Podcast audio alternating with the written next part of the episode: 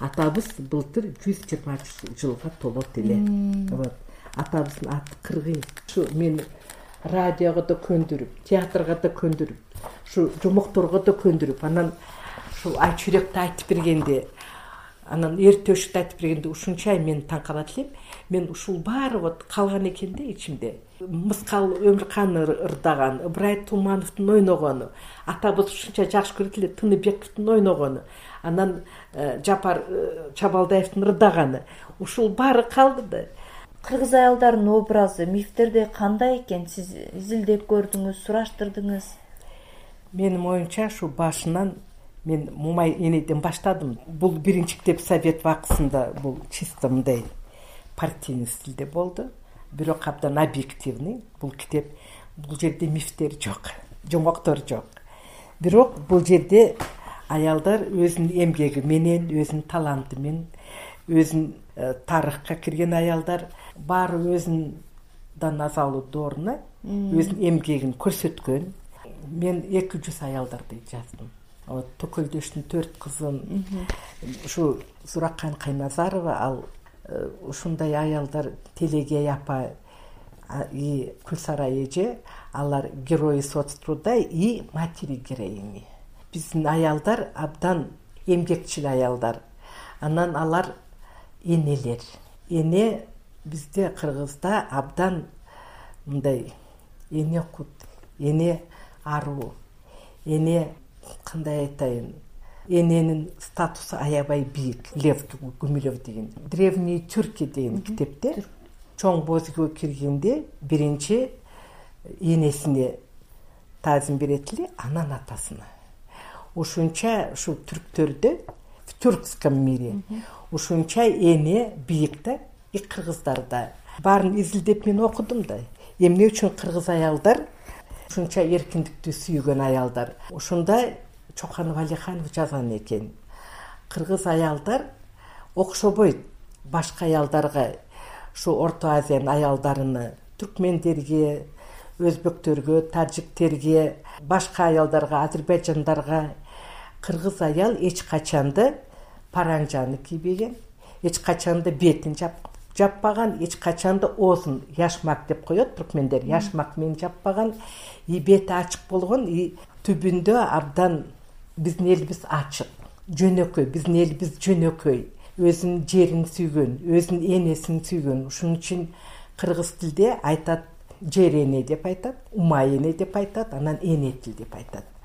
Ушунча эненин статусу бизде бийик болгон. Еще он сегизинчи кылымда китептин чыгарган орустардын жазуучулары саякатчылары орус саякатчылары северцов деген дагы башкалар жазган экен да кыргыз аялдары бир да бетин жаппайт.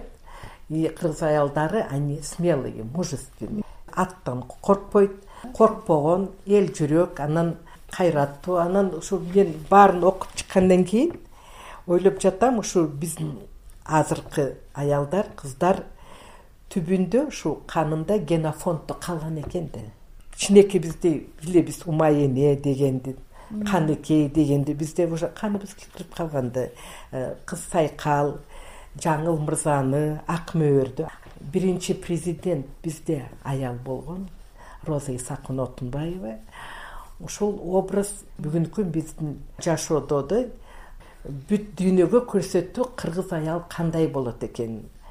Турмушта кандай экен? Жумушта кандай экен? Элдин арасында өзүнүн интеллигентностью көрсөттү да өзүнүн интеллектин көрсөттү көп тил билген азыр аялдар көп жаштардан көп. Мына менин неберем алты тил билет ушу азыркы заманда мен ойлойм ушу жыйырма биринчи кылым аялдардын кылымы болот деп. То есть аял балдар үчүн үй үчүн өзүн аябай иштейт. Биз да ушундай өскөнбүз да. Бизди да ушундай өстүргөн атабыз күнү түнү иштеп өзүм апамды апам менен өспөсөм да. Вот эжем абдан көп мага э, жардам берип өзү москвада окуп мгуда окуп кийин келгенде каникулда айтат эле эми сени мен алып кетем деп. Анан станция бишкекке чейин жетебиз бишкектен уже мени түшүрүп калат уже уже кайра үйгө келип анан сарайга сарайдын ичине кирип ыйлайм да. Мен кайра калып калдым москвага барган жокмун анан окууну бүткөндө мен абдан жакшы окудум. Мен ойлогон элем мен да мгуга барам деп. Бирок мен менделеевскийге жеттим ушунда башка заман болгон ушунда коммунизм деген это электрификация народного хозяйства плюс химизация производство деген жаңы чыккан да. Вот ушундай лозунг болгон ушунда мен ушу химик болом деп. Мен абдан жакшы математиканы жакшы билгем химияны физиканы э, ушунда мугалимдер абдан сонун болгон. Билим э, фестивали болгондо ошо роза отунбаева айтты эле азыр кыздардын арасында кыз келиндер арасында техникалык билим алган технический инженер болгон аялдар дээрлик жок деп жана сиз эмнеге ушул жакка кеттиңиз эле? Ушу химияны жакшы көрүп химия физика мен ойлодум ушу менделеевский ушунда ну мен айтып жаттым го заман башка болгон техника бауманский электротехнический мгу булар абдан мындай баалуу эле да. Менделеевский но мен ойлогон жокмун что я буду стройматериал цементте я буду инженер азыр балдар кызыкпайт мугалимдер жакшы окутпайт. Окутса акча менен окутат экен. Тааныштардын кызы арабаевди бүттү анан мен сурадым шайыр слушай сен беш жыл окудуң бир жолу бардыңбы операга? Опера дегенди билесиңби билбейм. Балет дегенди билесиңби билбейм. Сенчи театрга барган жоксуң? Филармонияга бардык только филармония концерт. А театрга драм театрга бир да барган жокмун силерде куратор барбы? Бар. А че он вам сделает а он разводит дейт кийин мен сурап жатам. Кыргыз кыз биздин политехте ушу жакындай эле. Бул суу кантип келет? Мына тоодон бул суу кранга кантип келет? Мага схемасын көрсөтүп берчи. Тиги инженер по водоснабжению канализации. Жаза албайт көрсөтө албайт. Слушай ты же диплом получила. Практикада что делали? Практикада огород копали строили белили и потом нам поставили зачет бул уят да слушайте мен ойлойм ушу кандай мугалимдер болгон э ушундай биз китепкананы абдан жакшы көргөнбүз башында аялдар башкача болчу анан негизи эле ошо кыргыз аялдар дагы баягы эркиндикти сүйгөн э, каармандык күчтүүлүгүн айтып кетпедиңизби анан? Азыркы аялдарда ошондой бир сапаттар барбы же конечно соңку учурда көп сындар айтылып атпайбы баласын таштап кеткен обон болуп кетти митингдин алдында жүрүшөт дегендей? Азыр система башка болду социальный расслоение болгон эмес. Вот бул и жакшылыгы бар и жамандыгы болгон. Социальный расслоение азыр уже кедейдер болуп калды байдар болуп калды абдан байдар болуп калды. А мурун болсо стремились если бирөө үйдү салса эки этаж биз текшерет элек бул кантип эки этаж үйдү салды деп. Зарплатасы ушундай болсо эки баласы болсо кантип? Я сама как народный контроль проверяла. Анан даже чабандар көп балалуу тиги үй салса эмне үчүн? Ушундай закон туура болгон эмес. Ушул туура болгон эмес да. А вот азыркы заманда уже тогда были духовные ценности киши кишиге жардам берип гуманизм был доброта азыр коррупция деген болду. Мурунку заманда самый большой коррупционер бир бутылка коньяк алып барат ушул акыйкатсыздыктан улам анан аялдар дагы өзгөрүп атат дейсизби да аялдар тоже. Азыр ну тоже ценности изменились. Вот бай бай эмеспи ата энеси кандай. То есть все же аялдар азыр турмуш башкача болду. И от материальной базы очень сейчас много зависит. Вот раз окуу платный вот э, жакшы окууга көп акча керек. Ага уже жөнөкөй адамдар уже бара албайт тапшыра албайт. Абдан таланттуу болсо өтүп кетет аялдардагы арулук деген нерсе жоголуп баратат деген коркунуч да жокпу? Жок. Эне деген эне бул байланыштуу үй бүлө менен кандай мугалимдер кандай эне эне эне окуш керек билим алыш керек энеге. Эне билими жок болсо кантип балдарын өстүрөт? Кыргыздарда айтат ой эмне өстүргөнгө барган жери тегирмен деп например вот мисалы түркмендерде беш класс болсо ушул эле жетет деп коет. Это уже возврат к феодализму. Мен ойлойм азыр идеологиябыз күчтүү болуш керек. Аялдардын улуттук форумунда дагы сөз болбодубу ушул. Аялдардын төрөттөн өлүп атканы анан ой айтпаңыз. э, мен ушул жөнүндө айткам. өзгөчө жана он беш он алты жашта күйөөгө тийип атканы төрөп атканы э, жаш өспүрүмдөр арасында аборт кылгандар бойдон алдыргандар көбөйгөн. азыр ушулар эми эмнеден кабар берет дейсиз?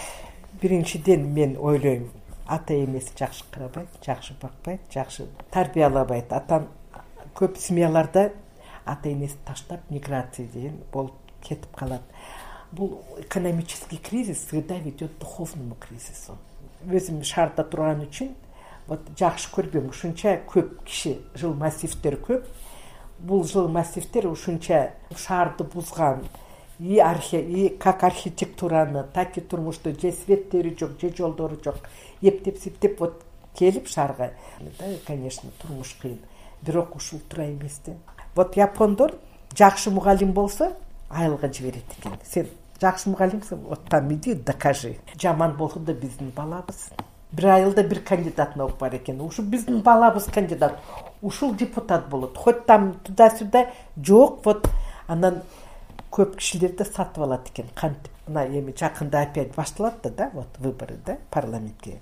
Квота боюнча келип атпайбы аялдар?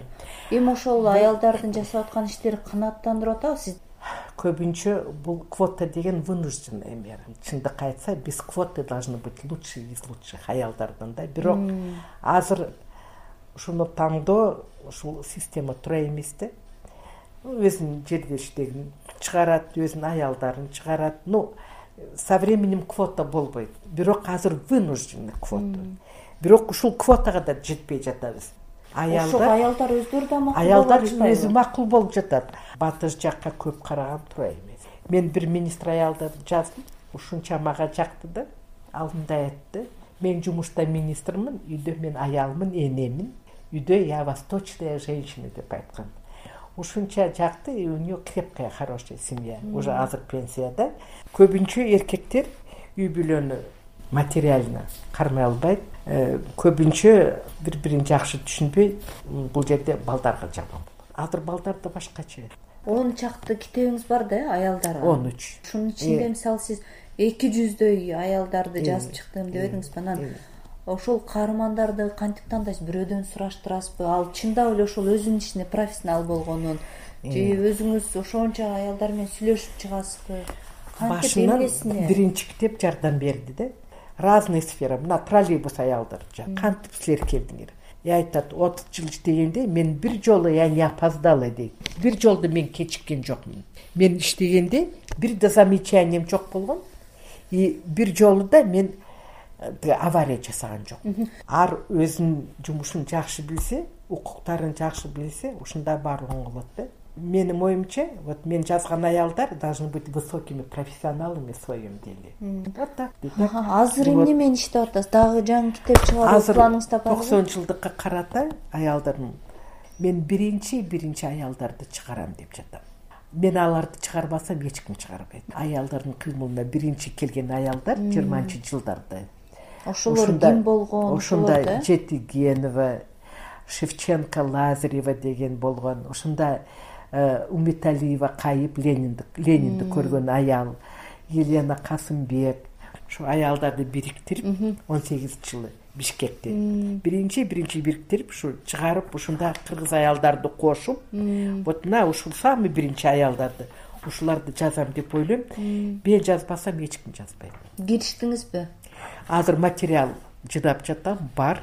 Архивден материал кечээ тарых музейине барып ушу орус аялдар элечекте сүрөттү көрдүм беребиз дейт. Рахат ачилова маркум эжеден. Э. интервью алдым эле. Азыр аялдар дейт аябай мындай жалкоо болуп калышты мажүрөө дейт да. Жалкоо көп анан жакшы окубайт. Анан үй бүлөгө жакшы карабайт. Ну баласын таштап кеткен баласын бирөөгө берип мына миграцияда эмне болуп жатат кыргыз аялдар? Эмнеге барат? Турмуш ошого түртүп атпайбы ну түр- түртсө да ушуга жетпейт. Ушуга барбайт. Көп аялдар ичет тамеки тартат мен ушунун баарын жактырбайм да. Биздин заман башка болгон